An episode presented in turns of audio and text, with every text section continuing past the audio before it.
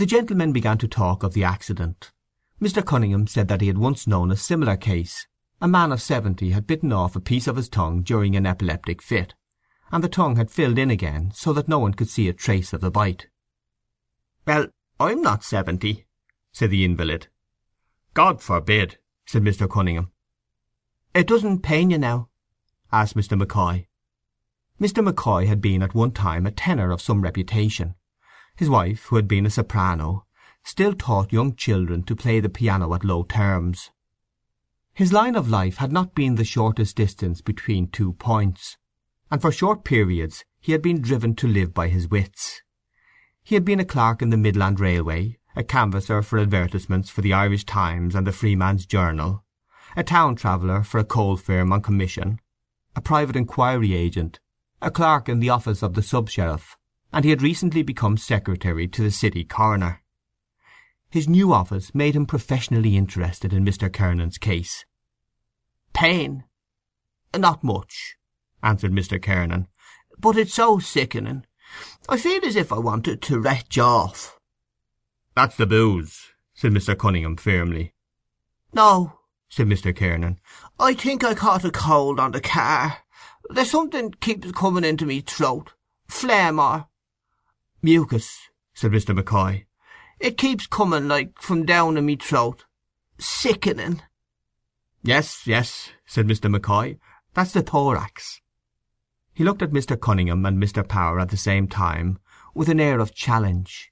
Mr. Cunningham nodded his head rapidly, and Mr. Power said, "No, well, all's well that ends well." "I'm very much obliged to you, old man," said the invalid. Mr. Power waved his hand. "Those other two fellows I was with." "Who were you with?" asked Mr. Cunningham. "A chap. I don't know his name. Damn it now, what's his name? Little chap with sandy hair." "And who else?" "Harford." "Ah," said Mr. Cunningham. When Mr. Cunningham made that remark people were silent. It was known that the speaker had secret sources of information. In this case the monosyllable had a moral intention. Mr. Harford sometimes formed one of a little detachment which left the city shortly after noon on Sunday with the purpose of arriving as soon as possible at some public house on the outskirts of the city, where its members duly qualified themselves as bona fide travellers. But his fellow travellers had never consented to overlook his origin. He had begun life as an obscure financier, by lending small sums of money to workmen at usurious interest. Later on he had become the partner of a very fat short gentleman, Mr. Goldberg, in the Liffey Loan Bank. Though he had never embraced more than the Jewish ethical code, his fellow Catholics, whenever they had smarted in person or by proxy under his exactions, spoke of him bitterly as an Irish Jew and an illiterate, and saw divine disapproval of usury made manifest through the person of his idiot son. At other times they remembered his good points. "I wonder where did he go to?" said Mr. Kernan. He wished the details of the incident to remain vague. He wished his friends to think there had been some mistake, that Mr. Harford and he had missed each other. His friends, who knew quite well Mr. Harford's manners in drinking, were silent. Mr. Power said again, "All's well that ends well." Mr. Kernan changed the subject at once. "That was a decent young chap, that medical fella," he said. "Only for him." "Oh, only for him," said Mr. Power. "It might have been a case of seven days without the option of a fine." "Yes, yes," said Mr. Kernan, trying to remember. "I remember now there was a policeman. Decent young fella he seemed. How did it happen at all?" "It happened that you were polluter, Tom," said Mr. Cunningham gravely. "True, Bill," said Mr. Kernan, equally gravely. "I suppose you squared the constable, Jack?" said Mr. M'Coy. Mr. Power did not relish the use of his Christian name. He was not straight-laced, but he could not forget that Mr. M'Coy had recently made a crusade in search of valises and portmanteaus to enable Mrs. M'Coy to fulfil imaginary engagements in the country. More than he resented the fact that he had been victimized, he resented such low playing of the game. He answered the question, therefore, as if Mr. Kernan had asked it. The narrative made Mr. Kernan indignant. He was keenly conscious of his citizenship, wished to live with his city on terms mutually honourable, and resented any affront put upon him by those whom he called country bumpkins. "Is this what we pay rates for?" he asked. "To feed and clothe these ignorant bostooms, and they're nothing else?" Mr. Cunningham laughed. He was a castle official only during office hours. "How could they be anything else, Tom?" he said. He assumed a thick provincial accent, and said in a tone of command, "Sixty-five, catch your cabbage." Every one laughed. Mr. M'Coy, who wanted to enter the conversation by any door, pretended that he had never heard the story. Mr. Cunningham said, "It is supposed, they say, you know, to take place in the depot where they get these thundering big country fellas, omadhauns, you know, to drill. The sergeant makes them stand in a row against the wall and hold up their plates. He illustrated the story by grotesque gestures. At dinner, you know. Then he has a bloody big bowl of cabbage before him on the table, and a bloody big spoon like a shovel. He takes up a wad of cabbage on the spoon, and pegs it across the room, and the poor devils have to try and catch it on their plates. Sixty-five, catch your cabbage! Everyone laughed again, but Mr. Kernan was somewhat indignant still. He talked of writing a letter to the papers. "Those yahoos coming up here," he said, "think they can boss the people. I needn't tell you, Martin, what kind of men they are." Mr. Cunningham gave a qualified assent. "It's like everything else in this world," he said. "You get some bad ones, and you get some good ones." "Oh yes, you get some good ones, I admit," said Mr. Kernan, satisfied. "It's better to have nothing to say to them said Mr. M'Coy. "That's my opinion." Mrs. Kernan entered the room, and placing a tray on the table said, "Help yourselves, gentlemen." Mr. Power stood up to officiate, offering her his chair. She declined it, saying she was ironing downstairs, and after having exchanged a nod with Mr. Cunningham behind Mr. Power's back, prepared to leave the room. Her husband called out to her. "And have you nothing for me, ducky?" "Oh, you! The back of me hand to you," said Mrs. Kernan tartly. Her husband called after her. "Nothing for poor little hubby." He assumed such a comical face and voice that the distribution of the bottles of stout took place amid general merriment. The gentlemen drank from their glasses, set the glasses again on the table, and paused.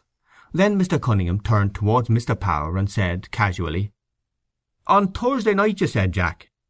"Thursday, yes," said Mr. Power. "Right-o," said Mr. Cunningham promptly. "We can meet in M'Auley's," said Mr. M'Coy. "That'll be the most convenient place." "But we mustn't be late," said Mr. Power earnestly, "because it is sure to be crammed to the doors." "We can meet at half seven," said Mr. M'Coy. "Right-o," said Mr. Cunningham. "Half seven at M'Auley's be it." There was a short silence. Mr. Kernan waited to see whether he would be taken into his friend's confidence. Then he asked, uh, "What's in the wind?" "Oh, it's nothing," said Mr. Cunningham. "It's only a little matter that we're arranging about for Thursday." "The opera, is it?" said Mr. Kernan. "No, no," said Mr. Cunningham in an evasive tone. "It's just a little spiritual matter." "Oh," said Mr. Kernan. There was silence again. Then Mr. Power said, point blank, "To tell you the truth, Tom, we're going to make a retreat." "Yes, that's it," said Mr. Cunningham. "Jack and I and M'Coy here, we're all going to wash the pot." He uttered the metaphor with a certain homely energy, and encouraged by his own voice, proceeded, "You see, we may as well all admit we're a nice collection of scoundrels, one and all. I say one and all," he added with gruff charity, and turning to Mr. Power, "Own up now." "I own up," said Mr. Power. "And I own up," said Mr. M'Coy. "So we're going to wash the pot together," said Mr. Cunningham. A thought seemed to strike him. He turned suddenly to the invalid and said, "Do you know what, Tom, has just occurred to me? You might join in, and we'd have a four-handed reel." "Good idea," said Mr. Power. "The four of us together." Mr. Kernan was silent. The proposal conveyed very little meaning to his mind, but understanding that some spiritual agencies were about to concern themselves on his behalf, he thought he owed it to his dignity to show a stiff neck. He took no part in the conversation for a long while, but listened with an air of calm enmity while his friends discussed the Jesuits. "I haven't such a bad opinion of the Jesuits," he said, intervening at length. "They're an educated order. I believe they mean well, too." "They're the grandest order in the Church, Tom," said Mr. Cunningham with enthusiasm. "The General of the Jesuits stands next to the Pope." "There's no mistake about it," said Mr. M'Coy. "If you want a thing well done, and no flies about it, you go to a Jesuit. There the boyos have influence. I'll tell you a case in point. The Jesuits are a fine body of men," said Mr. Power. "It's a curious thing," said Mr. Cunningham, "about the Jesuit order. Every other order of the Church had to be reformed at some time or other, but the Jesuit order was never once reformed. It never fell away." "Is that so?" said Mr. M'Coy. "That's a fact," said Mr. Cunningham. "That's history." "Look at their church, too," said Mr. Power. "Look at the congregation they have." "The Jesuits cater for the upper classes," said Mr. M'Coy. "Of course," said Mr. Power. "Yes," said Mr. Kernan. That's why I have a feeling for them. It's some of those secular priests, ignorant, bumptious." "They're all good men," said Mr. Cunningham, "each in his own way. The Irish priesthood is honoured all the world over." "Oh yes," said Mr. Power. "Not like some of the other priesthoods on the Continent," said Mr. M'Coy, "unworthy of the name." "Perhaps you're right," said Mr. Kernan, relenting. "Of course I'm right said Mr. Cunningham. "I haven't been in the world all this time and seen most sides of it without being a judge of character." The gentlemen drank again, one following another's example. Mr. Kernan seemed to be weighing something in his mind. He was impressed. He had a high opinion of Mr. Cunningham as a judge of character, and as a reader of faces. He asked for particulars. "Oh, it's just a retreat, you know," said Mr. Cunningham. "Father Purdon is giving it. It's for business men, you know." "He won't be too hard on us, Tom," said Mr. Power persuasively. "Father Purdon, Father Purdon," said the invalid. "Oh, you must know him, Tom," said Mr. Cunningham stoutly. "Fine jolly fella. He's a man of the world like ourselves." "Ah, yes, I think I know him. Rather red face, tall." "That's the man."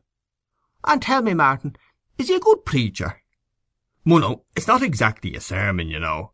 It's just kind of a friendly talk, you know, in a common sense way." Mr. Kernan deliberated.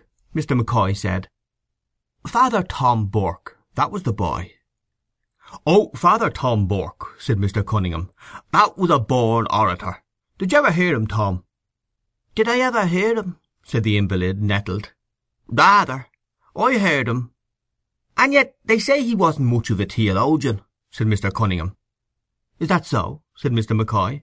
"Though, of course, nothing wrong, you know. Only sometimes they say he didn't preach what was quite orthodox."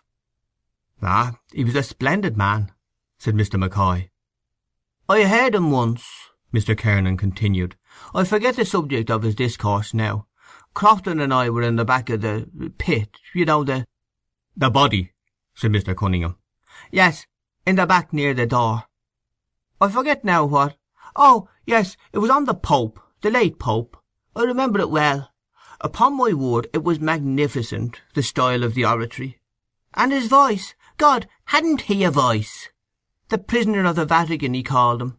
I remember Crofton saying to me when we came out—" "But he's an Orange man, Crofton, isn't he?" said Mr. Power. "Course he is," said Mr. Kernan. "And a damn decent Orange man, too.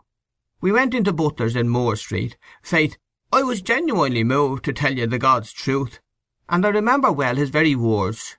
Kernan, he said, we worship at different altars, he said, but our belief is the same.